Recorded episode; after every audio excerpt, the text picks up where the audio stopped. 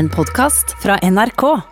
NRK P2. Jon Peder Egenes er generalsekretær i Amnesty International Norge.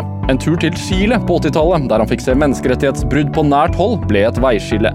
Og siden den gang har han arbeidet utrettelig for organisasjonen som jobber for at grunnleggende menneskerettigheter skal være oppfylt for alle. Det handler om å gi folk håp, har han sagt. Dette er Drivkraft med Vegard Larsen i NRK P2. Jon Peder Egenes, velkommen til Drivkraft. Tusen takk skal du ha. Har du det fint?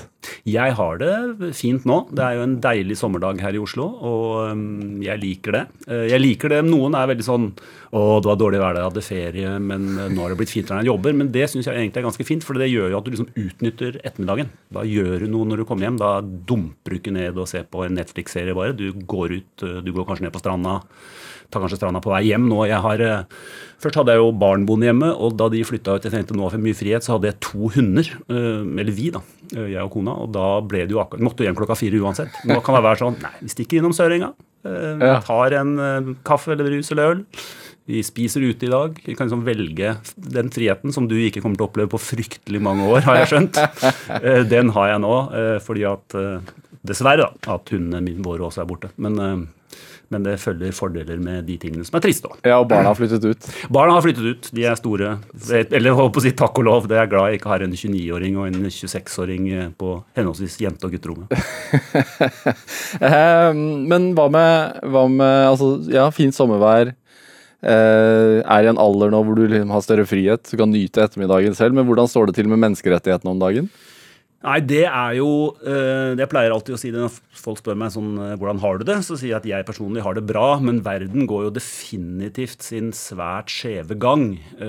Og Er det skjevere nå enn før, eller er det, altså, er det ikke er det, Går ikke utviklingen riktig, eller går den feil? Utviklingen det, når du legger de store historiske perspektivene på det, så går utviklingen i riktig retning. Hvis vi liksom tar utgangspunkt i 1948, da denne verdenserklæringen om menneskerettighetene, som jo er grunnlaget for det jeg driver med hver dag, ble vedtatt i FN, så er ting veldig mye bedre de aller fleste steder i dag enn det var da. Men så, og akkurat da jeg begynte Jeg har jo faktisk jobba profesjonelt med dette i 30 år i år. og for så vidt jobbet med det før, men da som frivillig.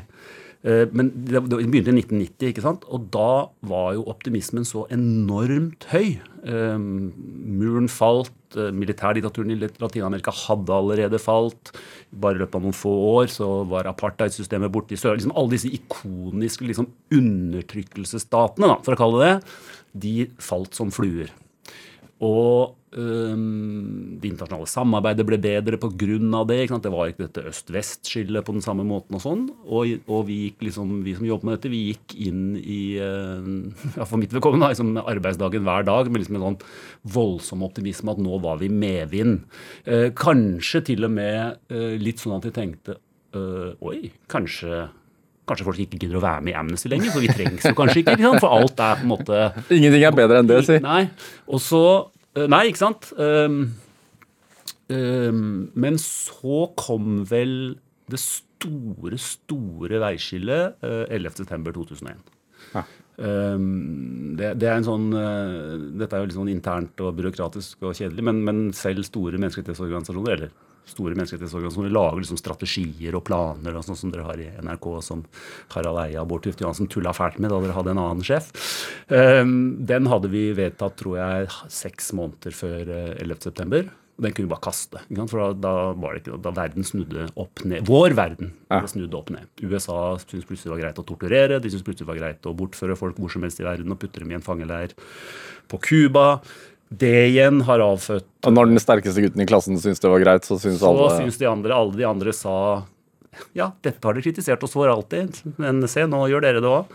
Um, så det ble jo liksom det, det store veien, Og så har det jo Og det er ikke bare Det er ikke um, angrepet i New York og Washington som liksom er skyld i alt, men så har på en måte ballen begynt å rulle litt i gal retning. Uh, og vi har Jeg syns alltid det er litt sånn Man får av og til når man oppfattes som politisk korrekt, som jeg gjør, så blir man liksom beskyldt av at man er en del av en slags eh, feministisk, homofil, politisk korrekt lobby som er i ferd med å ta over hele verden. Hvem beskylder deg for det? Nei, det er liksom en slags sånn feeling sånn du er, sant? Det er alle disse fæle kreftene som er der ute. Det er sånne liberalere som eh, både er feminister og som jobber for homofiles rettigheter, og som liksom er i ferd med å ta over, eller menn kan ikke være menn lenger, og alt det der. Eh, og da uh, syns jeg alltid det er gøy å trekke fram det gruppebildet fra det siste G20-møtet. Nå kommer du et i Saudi-Arabia, som kanskje blir enda verre. og der er det, jeg husker, men La oss si at det er 37 mennesker der. Ja. To av dem er kvinner. Det er Angela Merkel og hun som da var leder for Den internasjonale pengefondet, Lagarde. Og så er det én person som ikke har på seg grå dress. Det er eh, kronprinsen av Saudi-Arabia, Mohammed Saman, fordi han har på seg tradisjonell drakt. Og så er det 34 menn i mørk dress. Og så kan du begynne å se på hvem de er. Det er liksom Duterte Nei, unnskyld, han er ikke der. Men eh, Putin, eh, Trump osv. Og, så videre, og så er liksom Ja, dette er liberale folk som liksom holder homofili og feminisme veldig, veldig høyt. og da skjønner man at, ja, at det er en god del igjen å gjøre her. Ja, så du føler at det fremdeles er Det er, det er jobb for Amnesty i veldig mange år framover. ja. Men hva, hva, tenker du om sånn som uh, med demonstrasjoner i Hviterussland og sånt som skjer akkurat nå? Ja, det er jo altså Der uh, du sa det handler om håp. Ja. Uh, det er det som gir meg håp i dag. det er Hongkong. altså Da mener jeg ikke det kineserne gjør, men det folket på gatene gjør. Det er Hviterussland. Det er USA. Det er på en måte det, det, virker jo som om samtidig som det er en slags sånn nasjonalkonservativ, litt sånn religiøs, i mange forskjellige religioners navn, uh, bølge liksom på toppen av, av, samfunn, så er det samtidig en, en, en slags frihetssøkende, progressiv, uh, ubøyelig kraft uh, mange, mange steder i folket. Ja. og, og de, det, det utspiller seg i all, all hovedsak fredelig. Det er selvfølgelig elementer overalt. Mange av dem vil jeg si provosert av at politiet står der som om det er krig. Um, men i, i, stor grad fredelig. Enormt modig. Altså, vi har nå dokumentert hvordan demonstranter som ble arrestert i Hviterussland, har blitt banka opp helt altså, eh, Det som er bemerkelsesverdig, som, som eh, våre folk har sagt, er at de er ikke ute etter informasjon. De banker deg ikke opp for å spørre hvem er det som leder dette, hvem er det som organiserer det. De bare banker deg opp eh, og, og innrømmer det. Altså Bare sier vi ikke kom på gata engang, for neste gang dreper vi deg. Eh, men allikevel så går folk ut, eh, og det tenker jeg er Og flere og flere? Og flere og flere. Ja. Og flere og flere steder. Og, og, og, og det sier også noe om Ofte eh, i min jobb så ble jeg møtt med at jo, jo, det er greit for dere fra Norge og fra Vesten å snakke om menneskerettigheter og sånne ting. Våre folk er ikke opptatt av det, de. Eh, de er glad til så lenge det går bra og de kan putte mat på bordet. Um, og, og, i noen grad, så er det litt avhengig av situasjonen, så kan det være noe sant i det. Men det vi ser når folk går på gata, er at de ja, ofte klager over økonomiske ting, men nesten alltid også snakker om liksom, politisk frihet. Altså retten til å velge, f.eks. Ja. Velge regjeringen sin i, i, eh, i Hviterussland. Eh, frihet til å ytre seg, osv. Så eh, sånn at det er en og, og, den, og, den, og, du kan nesten egentlig ta den helt tilbake til 2011 med den såkalte arabiske våren. Hvor folk brøyt den der fryktbarrieren og bare sa nei, nå er det for mye. Nå går vi på gata. Ja. Eh, og det vet jeg positivt. Jo var egentlig Altså i Egypt så var det jo noen uh, Dette er litt sånn lederløse, lederløse bevegelser snakkes det en del om i våre dager. Og, og Egypt er egentlig et ganske godt eksempel på det. fordi at de som måte var de første organisatorene osv., de ville egentlig ikke at folk skulle gå ut på gata på den måten, fordi de mente at det kunne være altfor farlig for dem. Men folk sa bare ja, skal ikke si det, men, men det, det, gjør vi. Og så gikk de. Ja. Og så vet vi hva som skjedde. Og så har det fått et backlash, men samtidig Ja, det, får jo dessverre ofte det. Så er det sånn som i Hongkong også. Ja da. Og, og, det er jo på en måte ja, ja, Når det gjelder Hongkong, så har jeg jo også tenkt sånn De kommer jo aldri til å slå Beijing. Altså, De kommer jo ikke til å vinne denne kampen. Men det er noe helt sånn utrolig eh, pff, eh, Hva skal jeg si altså, Det viser noe om menneskets iboende kraft. Da, de, for de vet jo det bedre enn oss. altså De lever i det samfunnet. Men allikevel så er det sånn Men vi kan ikke bare ta dette sittende stille, liksom. Vi må ut på gata. Og, og dette er jo unge folk som, som jo slåss for sin framtid, for de vet jo at de kommer til å leve i er det 47. Nå er det jo for så vidt den avtalen om at de skulle ha disse frihetene fram til 1947 revet opp og kastet i, i søppelkassa. Men, men altså de, eh, for dem så er det jo virkelig det betyr noe, da. Og, og det er jo utrolig trist hvis alle disse talentfulle, unge, tøffe menneskene i hvert fall de som har mulighet til det, bare stikker. Altså ender opp i Storbritannia og USA Ja, at de- og, at de og, og ja. den slags. ikke sant? Altså, det, og, det, og det er noe jeg syns er eh, Jeg må innrømme at det kanskje var Sting som sa det første gang jeg hørte det. på partisten, som jo var en Amnesty-aktivist. men liksom, liksom, Arrogansen ledere har i å kaste vrak på alle disse talentfulle menneskene, enten de putter dem i fengsel eller jager dem ut av landet eller dreper dem for den saks skyld, er jo ganske enorm. Altså, de, ofte så er det jo eh, de såkalt beste blant oss, som er de som tør å gå ut på gata og protestere på overgrep og maktmisbruk. Ja. Protesteres det for lite? Ja, altså, ja, altså, men jeg mener ikke at vi, nå er det på tide vi får en massedemonstrasjon i Oslo mot uh, koronatiltak eller noe sånt. Men det er klart at eh, altså jeg har et, uh, Dette har jeg sitert før også, men uh, Isak Barsevis Bashevis? Bashevi, Singer, den amerikansk-jødiske forfatteren, han sa i et intervju en gang noe som jeg tenker ja, ja, det tror, håper jeg jeg også kan gjøre. Han sa at hvis jeg på slutten, mot slutten av livet kan se tilbake på livet mitt, og se en rød tråd av opprør og medfølelse, så vil jeg oppfatte at jeg har levd et, eh, et nyttig liv. Eh, Og den opprørsdelen er jo da en del av dette. Jeg, jeg syns det er en fantastisk uttalelse som jeg tenker at ja eh, jeg, kaster meg på ditt, eh, din livsvisdom, eh, Singer. Ja, det er det vi, det vi skal bore litt i dag, eh, Jon Peder Egnes. Vi skal se litt tilbake på livet ditt og se om det er hva var det du etterlyste. Opprør og Medfølelse. Dette er Drivkraft med Vegard Larsen i NRK P2.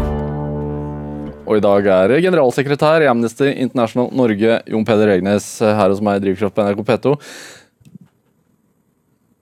Du er fra Asker? Nei, jeg er fra Oslo. Du er, er fra Asker. Du er født i Asker? Nei, jeg er født i Oslo.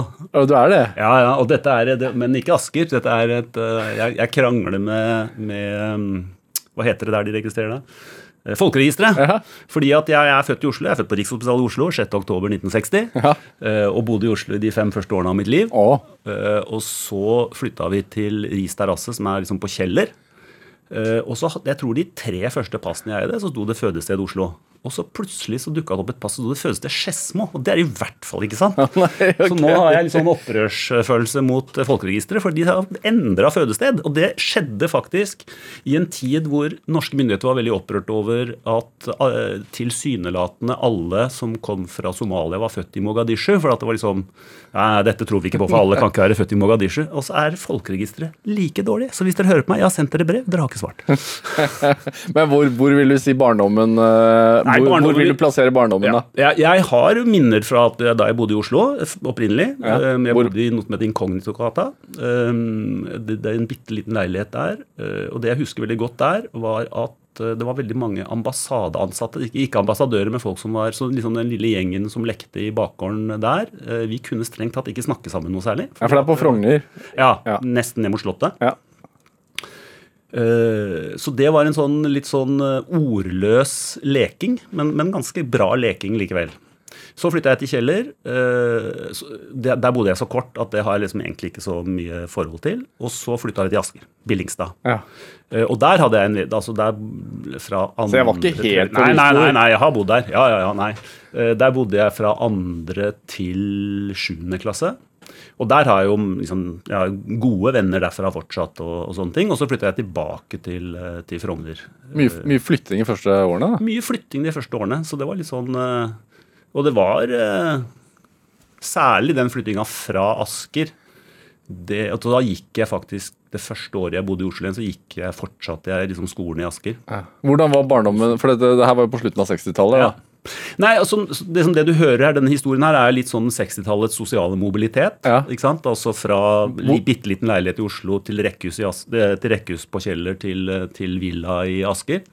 Eh, det var liksom sånn det gikk jo oppover i det norske samfunnet, også for faren min. Så blei ble det litt rot og tull. eh, som jeg for så vidt har snakka om i et portrettintervju, men eh, det er ikke så farlig. Men, men i hvert fall så, så ble det liksom litt annerledes. Og så vil jo folk si å ja, så flytta du tilbake til Frogner. Mm, veldig mye rot og tull, skjønner jeg. men det var, eh, det var litt spesielle omstendigheter og en arv og sånn.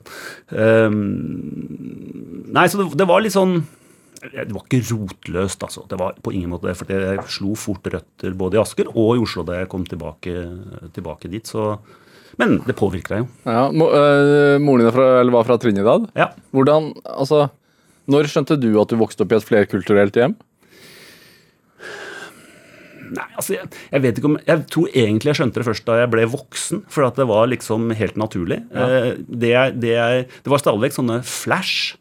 Um, det var, Jeg hadde skjorter som man skulle ha utapå buksa, for jeg fikk sånn tilsendt skjorter fra tante og onkelen min. Og det ble litt sånn der Å, flaggdag i dag, eller? Sånn, og det var litt sånn, sånn det, Så, så, Så- bitte liten kulturforskjell! Ja, ja, ja. Eh, Jeg husker også jeg fikk tilsendt, var veldig stolt av det. Sånn, ja, egentlig sånne bukser som har på en sånn litt sånn kakibukser med stikklommer. Det var også helt Hva slags lommer du har på de buksene? Men kanskje det Men, men også litt sånn Skal ikke mye til for å skille seg ut. Nei, nei. Nei, og særlig ikke da. Norge, altså, Norge på 60-tallet var ekstremt homogent. var jo, alle var jo kliss like.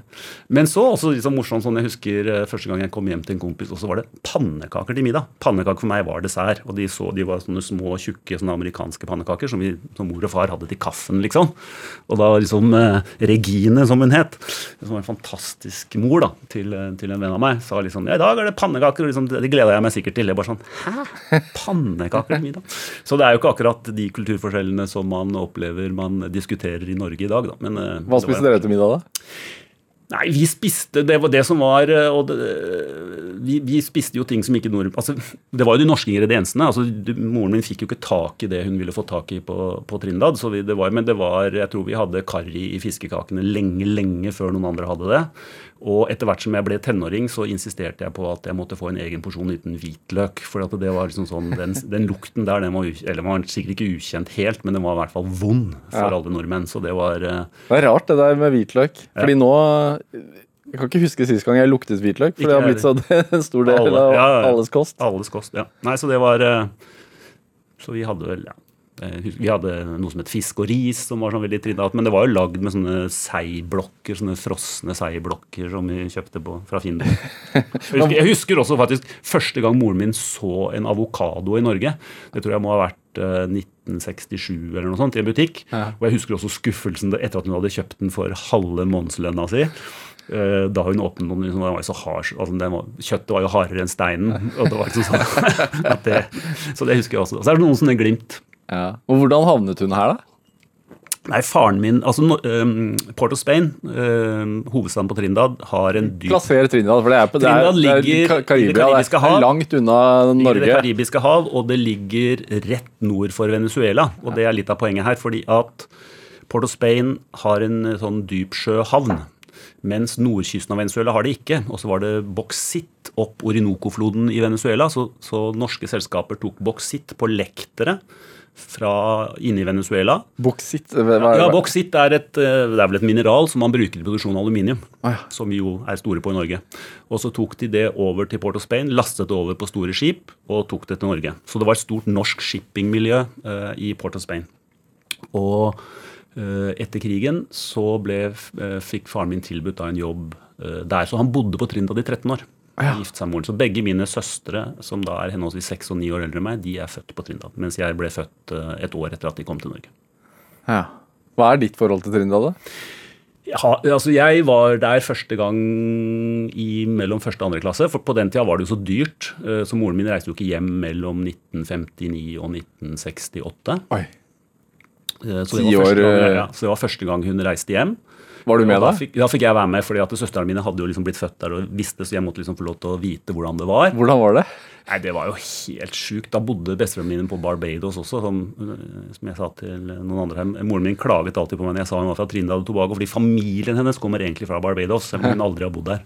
Men da hadde bestemoren og bestefaren min flytta dit, så det, og det er jo et paradis. ikke sant? Det er jo sånn hvite strender og Så var det sånn det jeg var litt det jeg var litt redd for. På Trinidad er det liksom slanger, og det kan være litt sånn krokodiller og sånn. Men Barbados har ingenting sånt. Det er som, det er som Irland. Det fins ikke slanger der. Det fins noen firfisler som er søte og koselige, og noen uh, gekkoer og sånt. Så det er liksom det, det som man kunne være litt redd for et sånt sted, det fantes ikke. Og alt det man kunne ønske seg som en liten norsk gutt av strender og varme og hyggelige folk og sånn, det fantes. Ja. Tror du den eh, Altså at, at du har hatt en, en en fot eh, nesten da, i et annet land, tror du det har preget deg? Det høres veldig så pretensiøst ut å si ja, til det, men, men det, har nok, det har nok preget meg litt altså Det har preget meg, på, det har preget meg helt konkret på en måte at jeg er ganske god i engelsk. Ja. Fordi jeg snakket jo, Og det skulle jeg, jeg skulle ønske at moren og faren min drev med Super 8. For jeg må ha gått rundt i Oslo eh, da jeg var sånn mellom to og fire år og snakket engelsk med vestindisk aksent. Noe jeg selvfølgelig ikke gjør nå. Ja, for det, det var moren din Ja, for det var jo min mors. Jeg skulle veldig gjerne hatt et lite filmopptak med lyd av det. Det hadde vært fint. Hvordan, hvordan er den engelsken? Nei, det tør jeg ikke prøve meg på. Den er jo, Det vet dere jo. Hør på Bob Marley, så, og, så, og så trekk fra litt, da. Fordi at eh, Ja. den hvite Og så er det en fireåring i ja, Oslo. Ja. Det tror jeg var ganske eksotisk. Ja. Eh, Så det skulle jeg veldig veldig gjerne hørt et opptak av. Um, Og faren min var veldig For det var faktisk faren min som gjorde at jeg vedlikeholdt det. Sånn at han eh, hver eneste morgen mens han barberte seg, så snakket vi engelsk sammen i fem-ti minutter, hva nå enn det tok. Sånn at eh, det, det har jo vært en gave, eh, rett og slett. Fordi at etter at moren min og søstrene mine lærte norsk, så var det et poeng å snakke norsk. liksom, For da skulle de sånn i familien for øvrig. Det, det, det, det har gitt meg en um, i, i en bitte så Jeg kan bare ta ett eksempel. Um, moren min hadde jo ikke noe forhold til 17. mai. Ikke sant? Um, så hun sa til meg at du kan bestemme om du vil gå i 17. mai-tog. Det er opp til deg. Og helt sånn tror jeg bare for å være annerledes, så valgte jeg var aldri med på 17. mai-feiringen da jeg var liten. Jeg bare sånn Nei, jeg går ikke i tog, jeg. Mamma sier jeg får lov. Eh, og helt altså Jeg har ikke noe imot 17. mai eh, i det hele tatt. Eh, feirer nå. Feirer med barna mine. Eh, lot dem også. Men, men det var liksom litt sånn kanskje, kanskje det ga meg liksom litt sånn Jeg er annerledes, jeg. Jeg får lov til å gjøre, ja. lov til å gjøre ting som er litt annerledes. Som, som kanskje er da litt, hvis vi skal snakke om eh, opprørsdelen av dette dette mottoet. Ja. eh, At jeg fikk- som liten gutt, uten egentlig å oppfatte det som et opprør, fikk lov til å gjøre noe som ingen andre, fikk, eller ingen andre ville heller. da. Men, eh, men, men som jeg ville av en eller annen merkelig grunn, og gjorde. Hva gjorde du da? da? Da satt jeg vel hjemme og var litt sånn trompete og, Men altså, og venta på at de andre skulle bli ferdig med feiringen, så jeg kunne spise pølser. For det likte jeg. men, men eh, hvis jeg forstått det rett, så, så var din far motstandsmann under krigen. Mm. Så for han så var vel 17. mai ekstra spesielt, eller? Nei, han la seg i hvert fall ikke borti det. Nei. Nei. Uh, nei, han gjorde ikke det, altså. Uh, Fortalte han om, om det hjemme? Ja, da, altså Noen ting fortalte han, men, men det var sær, altså, de hadde jo en sånn æreskodeks, disse, disse mennene, om at man liksom ikke skulle snakke om det egentlig. Ja. Men så hadde han en venn som da hadde vært på, på skauen sammen med, som nok ja, Ingen som vet hvem han er. Men altså, det var nok Og det kan man jo forstå, liksom høydepunkt. altså Han hadde aldri gjort noe større enn det. sånn at han, når, når, de var, når han kom på besøk, så ble det mye For da var det sånn Faren mins dekknavn var Fridtjof. Altså han kalte ham liksom Han het Kåre, men han kalte ham gjennomført Fridtjof, for det var liksom dekknavnet i krigen. Så Fridtjof husker du dit, og Fridtjof husker du datt.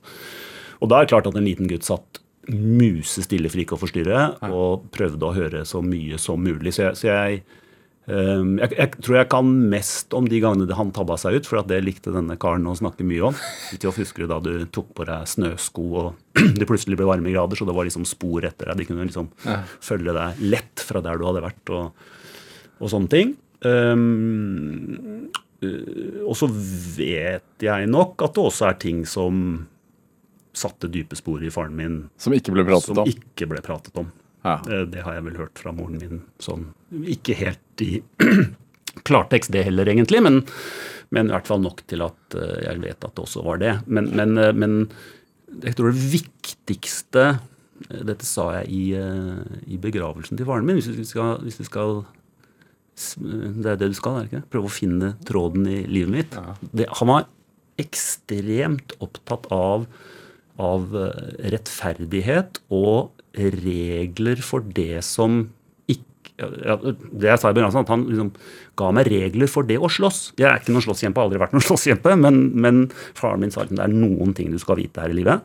Liksom, du har lov til å stå opp for deg sjøl, også fysisk hvis, du, hvis det trengs. Du har ikke lov til å slå de som er mindre enn deg. Da skal du gå vekk, uansett hva de gjør. Fordi at du vet at du kan liksom virkelig skade dem, eller du vinner, du vinner uansett, så det er ikke noe vits. Ja. Dette med kvinner, selvfølgelig, som jo også var en sånn veldig æreskodeks for, for mannen av hans eh, alder. Så du skal aldri slå en kvinne. Um, og du skal aldri slå en du allerede har, har fått i bakken. Uh, og det var sånn veldig sånn og, og det for meg ble også en sånn type det ene var liksom de konkrete reglene for slåsskamper, som dette på en måte var. Og, og det var jo litt sånn, jeg tror det var noen som sa at Vi slåss jo litt mer i min ungdom enn det jeg tror man gjør nå til dags. Vi drev og slåss i skolegården, og minste ting kunne føre til at to slåss, og det sto en ring rundt og heia, liksom. Eh, men, men for meg var det også liksom litt sånn det handler, det handler om mer enn slåsskamper. Da. Det er- handler det liksom om noen sånne, noen, sånne, noen sånne regler for hvordan man skal leve i livet, og, og hvem, man, hvem man kan ta igjen med. Og kanskje til og med skal ta igjen med. Ja, og, og det var også veldig viktig at du skal stå opp for andre. Altså, du, skal ikke, du skal på en måte ikke se på at noen bryter de reglene som jeg nå gir deg, som du må leve etter. Og hvis noen andre bryter dem, så skal du øh, stå opp for dem. Og jeg husker den samtalen veldig godt fordi vi gikk og spaserte. Den hadde også på den mer komiske siden. Og du skal ikke gå med henda i forlommene. Hvis du må gå med henda i lomma, så gå med henda i baklomma. For dårlig holdning. det har jeg ikke fulgt. Men, men er det Fikk du bruk for de tipsene da? I ung alder? Altså, jeg tror altså, jeg, jeg, jeg hadde en periode jeg vet at dere har, for det i hvert fall spurte researcha meg om, eh, en hadde en periode hvor vi, da akkurat jeg bytta skole inn til Aske, hvor jeg ble litt mobba og måtte slåss i hvert friminutt omtrent. Men altså, jeg, jeg har sånn- aldri vært noen stor slåsskjempe. eh, Men jeg har nok aldri verken sparka noen som lå nede, eller slått noen som lå nede, eller slått en kvinne, eller eh, eller eh, gått etter de som er mindre enn meg, verken i direkte direkt eller overført betydning. Men jeg har hatt, hatt noen andre gjester her i Drivkraft som har fortalt om eh, mobbing i oppveksten, at det sitter i lenge. Eh, Ja, ja, for tror, meg tror du det kan ha vekket noe sånn, en sånn rettferdighetssans i deg, eller noe, altså en kamp mot urettferdighet? jeg, Det er jeg ikke så sikker på. Eller det tror jeg egentlig For jeg, altså det, det, det var en relativt kort periode. Um, jeg følte veldig at jeg klarte liksom å stand my ground. Jeg fikk juling, for det var tre stykker, liksom. Uh, så jeg fikk jo mye juling. Um, jeg, jeg, jeg tok jeg ville jeg, jeg, opplevde det kanskje Mobbing er kanskje mer et moderne ord på det enn det jeg tenkte da. Jeg bare tenkte at jeg er den nye gutten, og jeg er nødt til liksom å finne, jeg må finne posisjonen min. Um, det var helt forferdelig. altså Jeg skal ikke bagatellisere det. Det var jo, det var jo virkelig ille. Og jeg turte ikke å fortelle hjemme, men til slutt så liksom, når jeg kom hjem tre dager på rad med høl på knærne og skrubbsår og sånn, så syntes moren min det var veldig rart at jeg falt så mye. Var det da faren din tok den praten med deg? Ja. Nei, ikke, ikke med meg. Men, nei, nei, nei. Uh, nei. Uh, Det er en annen historie om faren min som jeg også har fortalt uh, i den forbindelse. Men ehm, Som jo heller ikke ville gått i våre dager. Men, men så ble jeg faktisk venner med disse etter hvert, da, opp gjennom åra. Eh, Så, jeg, så, så jeg tenker at liksom det var et stadium. Det ble tilbakelagt. Um, det, det bekrefta for så vidt Det var mye, ganske mye senere, den samtalen jeg til, snakket om med faren min eh, om disse reglene. Um, men, det, men, eh, men det bidro nok jeg, jeg tror det egentlig var Det skjedde der og da. Det var ille. Det ble ordna opp i. Og så tenkte jeg ikke så mye mer på det, tror jeg. Selv om jeg da har fortalt det såpass mye at en psykolog sikkert sier jo da, det er mer enn du tror. Ring Peder Kjøs. Men hva, når var det du forsto eh, som ung mann at, eh, at du var ekstra opptatt av rettferdighet og urettferdighet? da? Nei, det, det, det var nok egentlig ehm, Du har brukt 30 år av livet ditt ja da, ja da. så du Nei, må... ja, ja, ja da. Men altså, det, det var den store oppvåkningen var, var eh, på en måte det, ganske mye Hvor jeg bestemte for at men jeg skal faktisk drive med dette. Kom mye senere i livet. Men jeg ble utrolig trukket til fra sånn 14-15 års alder. Eh, og det, det er en klisjé, så det er nesten flaut. Men jeg som, litt sånn Jens Bjørnboe leste um, 'Bestialitetens historie'. Som handler om ondskap? Ondskap, rett og slett. Og hvorfor- hvorfor er mennesket ondt? Ja, hvorfor er mennesket ondt? Og, og, men også liksom det der oppramsing av ondskap. Jeg tror kanskje jeg Hva, hva? Altså, skjønte mer av det enn jeg skjønte liksom det bakenforliggende da jeg var 14-15. han grunner jo på det i tre bøker der, eh, eh, men du har jo har, har jo et langt liv i Amnesty International. Har jo sett ondskap på nært hold, du også. Mm. Hva, hva tenker du om de spørsmålene han stiller rundt det? Nå er det så lenge siden jeg har lest boka. Nei, men- men, men, jeg stiller meg jo selv spørsmål Ja. rundt det. Fordi at jeg, har- jeg har jo um, jeg, jeg skrev Jeg tok den bort av noen sånne pressegreier. Men jeg, jeg, en, en, av de tingene man er redd for i min posisjon, det er at, skal, at dette skal bli så vanlig at man blir følelsesløs og ikke kan påvirkes av dette. Jeg, jeg har jo eh, bokstavelig talt daglig, i hvert fall alle arbeidsdager, i 30 år lest om, hørt om av og også snakket med mennesker som har opplevd de mest vanvittige ting. og Da, da tenker jeg spesielt på ulike former for tortur. Ja. Uh, som er helt ubeskrivelig, og som jeg pleier å si. Jeg liker ikke å beskrive det. Du kan, hvis du som lytter tenker på det verste du, du, kunne tenke deg å gjøre med et menneske, eller noe kunne gjøres med et menneske, så kan jeg sannsynligvis si ja, og det har jeg, vet jeg har skjedd. Ja. Uh, og det Det burde jo, altså det, ja, det, det, jeg er redd for, er at, du liksom skal, at en dag så skal du oppleve at du blir helt upåvirket av det. Og jeg må innrømme at jeg, jeg blir nok vesentlig mindre påvirket jevnt over enn det de fleste blir. For ellers hadde jeg ikke makta å jobbe med det. Men så er det sånn hele tiden at innimellom så kommer det noe som bare hvor knærne bare blir gelé. Liksom. Og, og, så lenge det fortsatt skjer med jevne nok mellomrom, så opplever jeg at jeg ikke har blitt liksom blasert eller, eller for kald eller hard. Ja. Um, og det siste var nå bare lest om en, en, rapport som egentlig på ingen måte er det verste, men, men hvor altså en uh, egyptisk uh, Instagram, kvinnelige Instagram-influensere nå er, har fått det er en ti stykker som er tiltalt. Fire av dem er foreløpig dømt til lange fengselsstraffer. Uh, og det er en sånn ekstrem sånn mannlig Altså disse kvinnene skal liksom viser fram kroppen sin, er for populære, tjener penger på det. Altså det sånn, så tenker jeg bare dette er jo helt, altså Kan dette skje i 2020? Ja, De blir arrestert fordi ja, de, fått, rett og slett legger ut bilder av seg selv? på legger ut bilder av seg selv, og de, liksom, nei, de korrumperer ungdommen og sånn. Ja, det er helt vanvittig. Men, men, men, men, men tilbake til poenget. Altså, og da tenker jeg på de verste tingene, ikke akkurat en fengsling. Men jeg, jeg har kommet til å å tenke at det er måte det, det er to det er liksom de som, tar, altså de som sørger for at det skjer, og så er det de som utfører det. Og veldig ofte er jo det to forskjellige. Vanligvis er jo det to forskjellige. Så Det er på en måte, la oss si, liksom de overordnede, de som kan sitte liksom i distanse og si at dette er nødvendig for å sikre at staten ikke faller fra hverandre, eller hva det måtte være. liksom Rasjonalisere at dette foregår. Det, det er sjelden de som torturerer. Og det er sjelden de som gjør det. Ja. Og så er det de som gjør det. og, det, og der, der tror jeg det er noen mekanismer som er altså Jeg, jeg har snakket med jeg husker jeg snakket med en mann, han var fra Kenya da Kenya var mye verre enn det er nå. og Han hadde blitt torturert. Og han sa torturisten, mens han torturerte ham, hadde forsøkt å argumentere overfor ham, altså overfor offeret, at han vel måtte forstå at dette var nødvendig for Kenyas del. At dette var liksom for det, for det større gode. At han måtte eh, tvinge ut av denne mannen eh, noe informasjon de mente de trengte fra han. Og det viser hvor hjernevaska torturisten er òg, da. Altså torturisten han mente, han trodde det. Eh, altså dette, denne torturoverleveren, at, at han, fak, altså han hadde litt dårlig samvittighet for at han påførte denne mannen uh, ulidelig smerte. Uh, men samtidig så ønsket han, liksom, fordi han kanskje hadde respekt for ham, eller et eller annet, å si men du skjønner vel kanskje at vi er helt nødt til å gjøre det. Sånn at on, Jeg vet ikke om det er ondskap altså jeg, Dette er den store diskusjonen. Finnes det ren ondskap, liksom?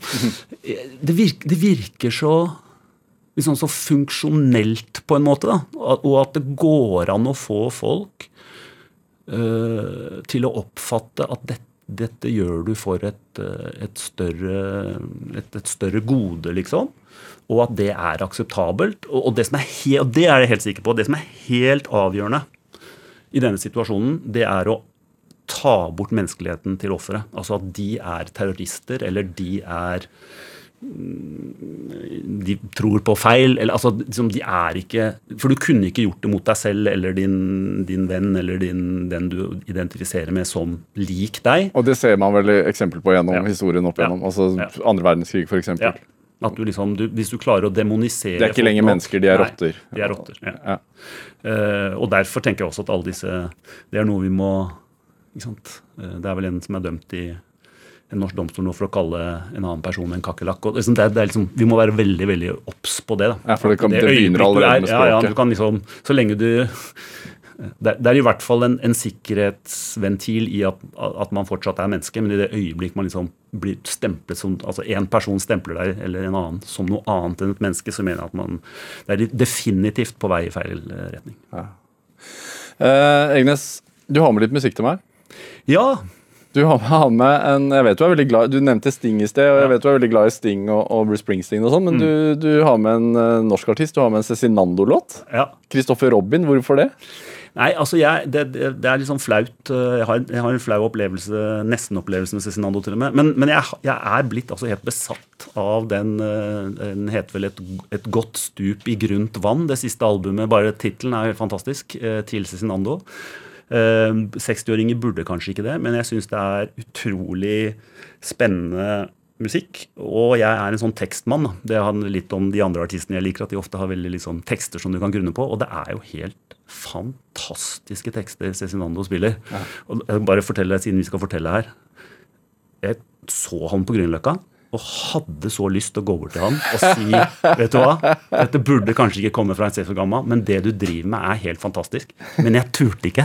Og jeg har truffet statsministeren og de fleste fredsprisvinnere eh, gjennom mange år osv., men jeg turte rett og slett ikke. Så hvis du hører på Resesinando, så eh, det er helt utrolig det du driver med. Ja, her får du i hvert fall Kristoffer Robin.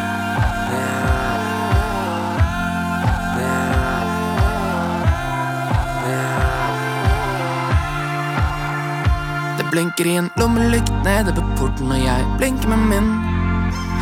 Jeg skulle gjerne hatt en hånd å holde i når jeg skal møte Elvis. Ja, en med en like dårlig det som meg, og enda rødere kinn. En som skal dit jeg skal, som ikke har noe valg. Fy faen, det ønsker jeg meg veldig. Jeg hvisker noen ord jeg aldri kan eie. Jeg er fanget av en vinner, er alene må seile. Jeg er på toppen av stupetårnet, stirrer gjennom vannet, jeg kan se helt ned til bunnen. Alle trærne var blitt nakne, nå kommer det snø snart. Det var høsten 94, og storkene fløy lavt, og den ene av de stupte ned mot taket og bygde rede, gidder ikke å flytte syden. syd. Jeg har en sang til deg for hver dråpe i havet, hvert tre i skogen, hver sky på himmelen, hver light på kommoden, hver fake orkidé på et hotell i resepsjonen. Det er mørkt, og jeg har mista magneten til kompasset. Hvert strå på åkeren, hver grav på lønnen. hver lille pose, hver million til munnen. Ok, hvert skip på sjøen og alle vrakene på bunnen. Jeg er fanget i et hjørne av en godterikiosk, i et edderkoppspinn. Jeg må finne meg en ånd i lampe før det er meg som møter Elvis. Aha. Jeg er et trappetroll som nøler på kanten av alle nederste trinn. Jeg ville ta meg alt, men jeg snubla for alt. Det er sykt å være så uheldig. Jeg må bestemme meg for når jeg skal forstå og våkne opp. Fra barnslig håp i rare drømmer der jeg stirrer inn i øynene er noe å skjære til sjøen. Det er mange toner av grå. Ja, jeg har en sang til deg for hver dråpe i havet, hvert tre i skogen, hver sky på himmelen, hver light på kommoden, hver fake orkidé på et hotell i resepsjonen. Det er mørkt, og jeg har mista magneten til kompasset. Hvert strå på åkeren, hver grav på lunden, hver lille pose, hver million til munnen. Ok, hvert skip på sjøen og alle vrakene på bunnen.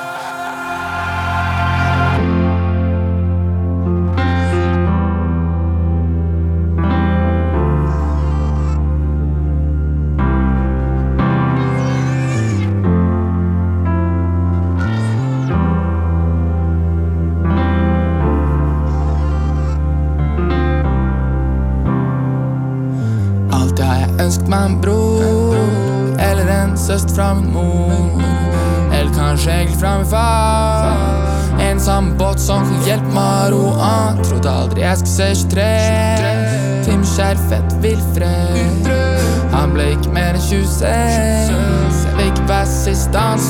går ned. Nei, kystebunnen min er full av spenn. Og det skal jeg dele med en venn vi skal aldri engste oss igjen,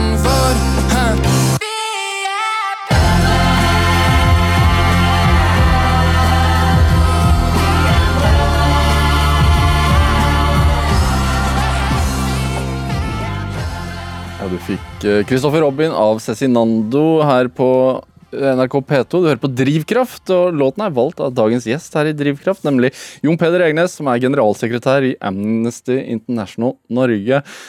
Det er en følsom låt, dette her, da. Følsomhet og øh, poetisk. Er, er, det, er du en følsom og poetisk mann, Egnes? For et spørsmål. um, jeg, jeg, er, altså, jeg er ikke det sånn uh, Jeg tror ikke det er det første folk vil, uh, vil si, de som kjenner meg godt. Uh, liksom karakteriserer Jon Peder. Han er veldig følsom. For jeg er nok ganske lukka og, og kan være litt privat og, og litt sånn einstøing tidvis. Um, men de som kjenner meg ordentlig godt, vet nok at det også er at jeg, altså jeg, jeg er, jeg, jeg, har elementer av følsomhet i meg. er det ikke noe sånn at stille vann er, er ofte dypest, eller ja, ja, ja. Vi, kan, vi, kan, vi, kan, dynge på med klisjeer her nå. Men, Neida, altså, men, men, men det, altså, jeg, jeg syns eh, det som er eh, Og som er veldig forskjellig fra meg, egentlig, men det jeg syns er helt fantastisk med tekstene på denne plata til Cezinando, da, det er at det lodder veldig, veldig dypt, men samtidig så er det liksom helt vanlige ord og fraser som, som sies. altså Han bruker det å, å, å ro, å sånn være i, i, samme båt og ro på en sånn måte som jeg aldri har hørt noen bruke det før. Det er en, et ordtak. Eh, å være i samme båt. Eh, men, men, som et eksempel fra denne låta, uh, og det er så mye sånt. Uh, og det er jo fra en tilsynelatende fra en som, som, kjemper liksom med mange ting i, i, livet. Hvis man skal tro tekstene hans og det gjør. Men, men altså, og det at du er opptatt av språk, er jo kanskje ikke tilfeldig, fordi språk er vel hovedvåpenet til Amnesty International, er det ikke det? Det er det i høyeste grad. Det er jo, og det er vi jo veldig altså Vi er blitt mer opptatt av det nå, tror jeg, enn noen gang. Fordi at det er jo denne denne hva skal jeg si, denne kampen som pågår nå. Hvem er det som snakker til folk på en måte som folk forstår? Hvem er det som Er, er det sånn som det sies, at elitene og, og jeg sitter jo her, så jeg tilhører veldig eliten. Jeg blir ikke invitert i radiostudio hvis ikke i en eller annen form tilhører eliten. Altså forstår uh, Forstår såkalte vanlige folk hva jeg egentlig mener? Forstår de hvor viktig menneskerettigheten er uh, på bakgrunn av det jeg sier? Når jeg fram til andre enn de som allerede er enige med meg? Støter jeg fra meg de som, som ikke er enige med meg i måten jeg snakker på, ordvalgene mine osv.? Ja, hva, hva tenker du om det? Altså, for eksempel, Nei, jeg... altså, sånn, sånn, som at uh, Donald Trumps retorikk er såpass forførende for mange? Ja, Nei, det er akkurat det. Altså, det er det vi baler med nå i, i med den, ikke bare i Amnesty, men liksom den internasjonale menneskerettighetsbevegelsen. Uh, er liksom hvordan Altså, vi mener jo helt bestemt at menneskerettighetene, eh, som jo ikke nødvendigvis ikke er på en, måte en slags høyre-venstre-akse, eh, er ekstremt viktige for alle. Enten du er en, en stålarbeider i, i rustbeltet i USA, eller du for så vidt eh, er, sitter i, i, Washington og har et eller annet politisk verv. Men vi virker som vi når fram til den ene gruppen, mens i hvert fall tilsynelatende ikke til den andre. Og det er nok Eh, fordi vi er altfor lite flinke til, å, til, nettopp å være følsomme. Da, til å snakke om Vi er liksom sånn veldig sånn faktabasert og, og liksom, dette må du forstå. Du må, ikke, du må, ikke, føle Du må ikke føle Vi er ikke flinke til å få deg til å, til å føle at Eh, en urettferdighet som rammer eh, deg sjøl, burde føre til at du gjør noe, eller en urettferdighet som rammer andre, burde, burde eh, få deg til å gjøre noe. Vi skal liksom forklare til liksom den der logiske delen av hjernen din ja. at uh, dette er feil og dette er riktig. Og, og, og, er det ikke det også, at man vil ikke bli fortalt hva som er feil og hva som er riktig? Jo, men hvis vi klarer, altså hvis vi klarer nettopp å få det liksom på, på følelsesnivå For jeg er overbevist om at de aller, aller fleste har en grunnleggende rettferdighetsfølelse og at den eh, at menneskerettighetene er, liksom, eh, spiller opp til den, og spiller med den. Men at, men at, blitt, men at vi har kanskje, altså, og da mener jeg vi som liksom driver med dette, har, har, klart å gjøre den til noe sånn halvakademisk og litt sånn bare juss og sånn, som gjør at en del folk ikke føler at det betyr noe for seg. Eh, og, og kanskje, og det er jo liksom der Dette snakker de jo mye om i USA, men jeg tror det gjelder overalt. altså dette at noen grupper som føler seg urettferdig behandlet, opplever at andre hopper foran dem i køen. For at det er liksom Ja, øh, menneskerettighetsfolka, Amnesty, er ikke opptatt av meg. De er opptatt av de der flyktningene. Men jeg har det jo minst like ille. Uh, I stedet for at vi har klart å forstå at dette gjelder jo alle. Altså at, at retten til utdanning, helse osv. det gjelder jo ikke flyktningene spesielt, men det gjelder dem også. Uh, I tillegg til at det gjelder deg og meg. Um, og det, så det, det, er, tror jeg, det med å, å uh, både um, tenke liksom hvordan vi snakker, og Eh, tenke hvordan vi faktisk heller snakker om det positive og det håpefulle enn Jeg opplever jo innimellom så har jeg lyst til å bli blomsterhandler.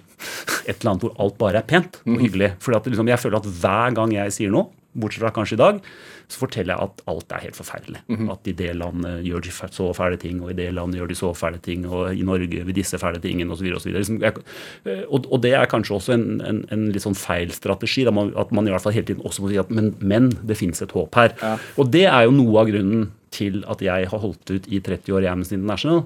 Ikke holdt ut, men faktisk med, med entusiasme har jobba i Amnesty International i 30 år. Det er at det, at det er jo egentlig det vi sier. At hvis du blir med, så går det faktisk an å dytte dette i riktig retning. Ja. Uh, og jeg ser beviser på det med gjennom mellomrom. Ikke de store, svære Oi, nå har verden blitt gått liksom 1000 meter framover i riktig retning. Men hele tiden små skritt med enkeltpersoner, med enkelte utviklingstrekk.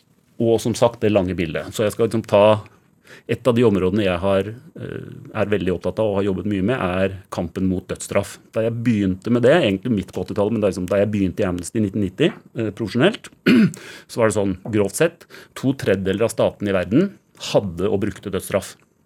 I dag er det snudd på hodet. To tredjedeler av statene i verden har enten avskaffet dødsstraffen i lovverket eller har sluttet å bruke den de har i loven. Så det viser jo at det går framover. Og det er selvfølgelig pga. meg. Nei, det er ikke det. Men, men, altså, i min Det har faktisk sammenfalt da, med, med den tiden jeg har jobba med det spesielt. Husker du Husker du din første dødsstraff? holdt jeg på å si? Det er et forferdelig spørsmål. Men... Eh. Nei, jeg husker ikke min første dødsstraff. Eh, men jeg husker uh, en bestemt hendelse. Det var en periode vi satt utenfor den amerikanske for, uh, USA altså, pga. tidsforskjell osv. Så, videre, så blir jo i en del delstater, og Texas er jo de mest aktive, så dette var Texas, henrettet sånn Altså, vi henrettet ved, ble vel henrettet ved midnatt i Texas som var sånn eh, syv om morgenen, seks og syv om morgenen her. Så vi satt liksom utenfor ambassaden om natten. For det, det, kan jo hele tiden komme en utsettelse osv. Så, videre, så vi satt og, ved flere anledninger. Og, øh, og denne spesielle gangen så, så, ble det ikke det. Vi, og vi ringte hele tiden fengselet. I USA? Ja, og, og denne gangen hadde vi også kontakt med advokaten, som da er den etter hvert ganske berømte Clive Stafford Smith, som nå driver en en organisasjon i Storbritannia uh, som, som, delvis jobber med Guantánamo og delvis jobber med dødsdømte briter i utlandet. Uh, vi hadde kontakt med han, og han sa nå må jeg gå inn til, gå inn til uh, min klient, for nå er det like før, så nå får vi ikke snakket mer. Og så fikk vi beskjed da, klokken syv om morgenen eller det var, at han var blitt henrettet. Og Så gikk det et par år, og så var det en av, en av de andre som hadde vært der, som hadde funnet en bok med en, en antologi hvor amerikanske forsvarsadvokater hadde skrevet om ulike saker de hadde hatt. og Da hadde Clive Stafford Smith skrevet en del av dette, og så sa han om denne saken, så sa han, og så måtte jeg gå inn til klienten min, og det eneste håpefulle jeg kunne si, var at det satt ti nordmenn i minus ti utenfor den amerikanske ambassaden i, Norge, i Oslo og protesterte mot hans henrettelse. Han ble henrettet, det redda ikke livet hans, men det virket som om advokaten hans mente at det i hvert fall ga ham en liten sånn piff helt på slutten. Mm. Så det er vel kanskje det, et av de sterkeste Og så er det jo Jeg har jo en venn, vil jeg si, Kerry Cook, som satt over 20 år på death row uskyldig, og som nå er ute. Og som fortsatt for så vidt kjemper for å bli funnet uskyldig, fordi han ble løslatt liksom for time served um, i en helt vanvittig sak. Um, og, og det, det, gjør noe med deg. Og, og, han forteller virkelig som han har skrevet bok og osv. Liksom, og, å bli kjent med et sånt menneske. Ja, Fordi han har også vært en person du har kjempet for? Nei, han, nei, han ble løslatt før jeg jobbet sånn helt konkret med dette. med hans sak. Ja. Men blir du personlig engasjert? Ja, det er, ja. ja. og det er hele poenget. Altså, apropos det jeg sa i sted om språk osv. Altså, vi, vi har jo eh, et slags slagord i Amnesty at du skal ta menneskerettighetsbrudd personlig. Uh, og, og, det er ikke, det er ikke et krav jeg stiller til alle, men, men jeg gjør det. Uh, det er, og det er nok, apropos drivkraft, det er nok noe av det at jeg blir liksom personlig engasjert, og ikke i alt selvfølgelig, for da hadde jeg brent ut for lengst, men, men i, i perioder, i enkelte saker, eh, blir jeg liksom sånn Jeg blir inderlig forbanna over at verden kan være så urettferdig noen ganger. Um, og det høres nesten barnslig ut når man er profesjonell, men, men, det, men det er faktisk en del av drivkraften. At jeg, at jeg liksom ikke At jeg tenker at eh, jeg må, jeg må motarbeide dette her. Men føler du ikke noen ganger at du rett og slett ikke strekker til? da? Eh, hele tida, på en måte. Men, men det er der disse, og det er det geniale med Amnesty. da, ikke sant? Og som gjorde at jeg valgte altså Da jeg kom tilbake, du har vel nevnt det i en intro, eller noe sånt, at, at jeg kom tilbake fra en loffetur i, i Latin-Amerika og, og dro til Chile i november 86 etter at det hadde vært et attentatforsøk på Pinochet. Da hadde Chile liksom begynt å åpne litt opp, og så liksom lukket igjen fordi de liksom Ja. Skulle ha denne. Og, han, og vi var til og med på folkemøte med Pinochet. Han, han, var han hadde liksom en liten bandasje på den ene hånda og liksom brukte den veldig sånn De har prøvd å drepe meg, liksom. Um, og da så man menneskerettighetsbrudd. Du, du drar jo, Uansett hvor du drar i verden, så ser du stort sett ikke menneskerettighetsbrudd på hvert gatehjørne, men da så man folk bli arrestert. Uh, man, jeg var i en leilighet hvor noen et par etasjer opp ble henta ut og tatt osv. Og, mm. og da bestemte jeg meg for at nå, jeg må gjøre noe når jeg kommer hjem, for jeg hadde jo alltid ment noe om dette. og, og sånn, men jeg, men jeg hadde liksom ikke organisert meg på noen måte. Og da, og da valgte jeg Amnesty fordi det er en organisasjon som får små seire langs veien. Altså, det, blir en samvittighetsfanger løslatt, det blir en lov endret. Uh, og, du kan Altså, jeg uh, og, og, du får tilbake med altså, du, Jeg treffer eller du ser skriftlig fra en som har sittet uh, lenge eller kort i en mørk fengselscelle, som sier at det at jeg visste at noen på utsiden gjorde noe, hjalp meg gjennom den tiden.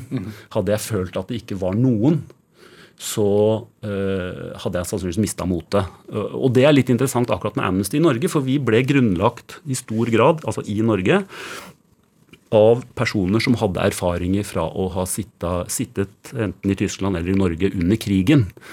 Og Per Bang, en, en kjent journalist i, i, sjøfarten og etter hvert Dagens Næringsliv, som var en av, en av gründerne, han sa, og som vel hadde også sittet uh, fengslet, at liksom, vi, vi, skjønte det intuitivt. Hadde det funnes noe sånn da, så hadde det vært en i hvert fall en moralsk hjelp. Hitler hadde kanskje ikke gjort noe annerledes, men, men liksom, det hadde vært noe om at det er noen faktisk der ute som driver og forsøker så godt de kan.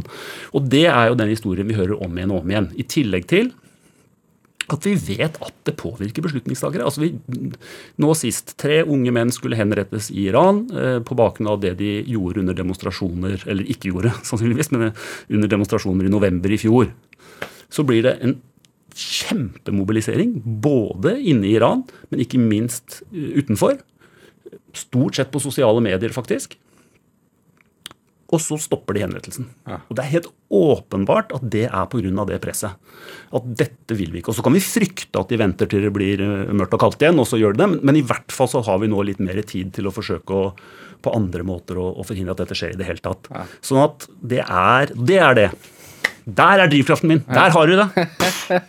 er det Hvordan er det å ha deg i, middagsselskap? Er det liksom man alltid, sitter man alltid igjen med dårlig samvittighet etter at du har vært på besøk? jeg, jeg, øh, jeg, øh, jeg, er ikke den som øh, initierer disse samtalene i middagsselskap. Jeg synes det er deilig, og jeg er jo en skravlebøtte, og, og jeg er interessert i mange ting. Ja. og syns det er kjempegøy å høre om folk som driver med andre ting. Um, I en grad at folk faktisk blir skuffa. En, en uh, person som uh, var gift med en venn av meg, og som skulle på middag til oss, og virkelig leste seg opp. Liksom leste nyheter og liksom tenkte Og så ble hun skuffa, for jeg satt jo bare og surra og tulla. Ja. Men jeg vet, jeg vet, at du uh, slapper av og er glad i engelsk fotball og sånn. Ja. Men er det og Jeg er også veldig glad i engelsk fotball, ja. men jeg synes jo, for meg så har fotball blitt liksom mer og mer problematisk. Tenker mm. spesielt på sånn som VM i Qatar og sånn, mm. hvor menneskerettighetene har blitt brutt mm. mange mange ganger. Er det, er det vanskeligere å ha sånne type hobbyer også, når man har den stillingen ja, der? Altså det, altså, um, det er jo en kollega av deg her i NRK som har skrevet kommentaren 'Koppen til Jon Peder'. Um, det var den gangen det fortsatt var rykter om at um, Mohammed bin Salman, eller mer dette investeringsfondet til Saudi-Arabia, skulle kjøpe opp Manchester United, som eh, i nå 50 år har vært den klubben jeg har støtta i, i, eller vært supporter av i England. Ja. Hvor jeg sa at gjør han det, så må jeg på en måte kutte båndene. Jeg kan, jeg kan liksom altså, Verken personlig, fordi jeg tar ting personlig, eller som generalsekretær i Amnesty kan jeg liksom sitte og yeah! For en klubb som er eid av en mann som dreper journalister i ambassader, som låser inne fantastiske kvinneaktivister, mm. som har kjempet for akkurat det han nettopp har tillatt, nemlig at skal til, kvinner skal få lov til å kjøre bil osv. Så, ja, det blir vanskeligere og vanskeligere. Eh, jeg, eh, sånn rent sånn penger i det hele tatt altså Det er jo sinnssyke penger for eh, Så det, det, jeg, det, bestemte jeg meg for da Manchester United kjøpte Andy Cole for 8 millioner pund. Ja. Det er liksom ukelønna til en fotballspiller nå. Så tenker jeg nei, nå kan jeg ikke by meg om penger lenger. Enten med å gi blaffen i pengene, eller så må jeg begynne å holde med noen i tredje divisjon eller noe. Eh, så det har jeg liksom latt bak meg. Men, men, nå er det jo politikk òg. Nå er det ikke bare penger lenger. Uh, og så har jeg, jeg lest en veldig interessant artikkel uh, i The Guardian, en kvinnelig journalist faktisk, som skrev om denne irritasjonen på hvorfor at fotballspillere tjener så mye penger. Og hun forsvarte det, for hun sa her er folk, dette er liksom eliten som er forbanna på arbeiderklassegutter som plutselig tjener mye mer enn dem. De tjener jo så mye fordi klubbene med alle de rike eierne har råd til det. Ja. Så nå har jeg liksom, da har jeg funnet en måte å rasjonalisere det på. da. Arbeiderklasseguttene tar fra de rike? Ja, ja, ja. um, du vet hva, Det fikk bli det siste ordet. Det var det vi rakk. En time går fort. Det gjør det, altså. Jon Peder Egnes, tusen takk for at du kom hit til Drivkraft. Tusen takk for at jeg ble invitert. Hør flere samtaler i Drivkraft på nett, eller last oss ned som podkast. Send oss også gjerne ris og ros og forslag til gjester du mener har drivkraft. Send e-post til drivkraft, krøllalfa, nrk.no. Dagens produsent er Pål Arvid Jørgensen. Ellen Foss Sørensen bidro også sterkt til denne sendingen. Jeg heter Vegard Larsen. Vi høres. Du har hørt en podkast fra NRK. Hør flere podkaster og din NRK-kanal i appen NRK Radio.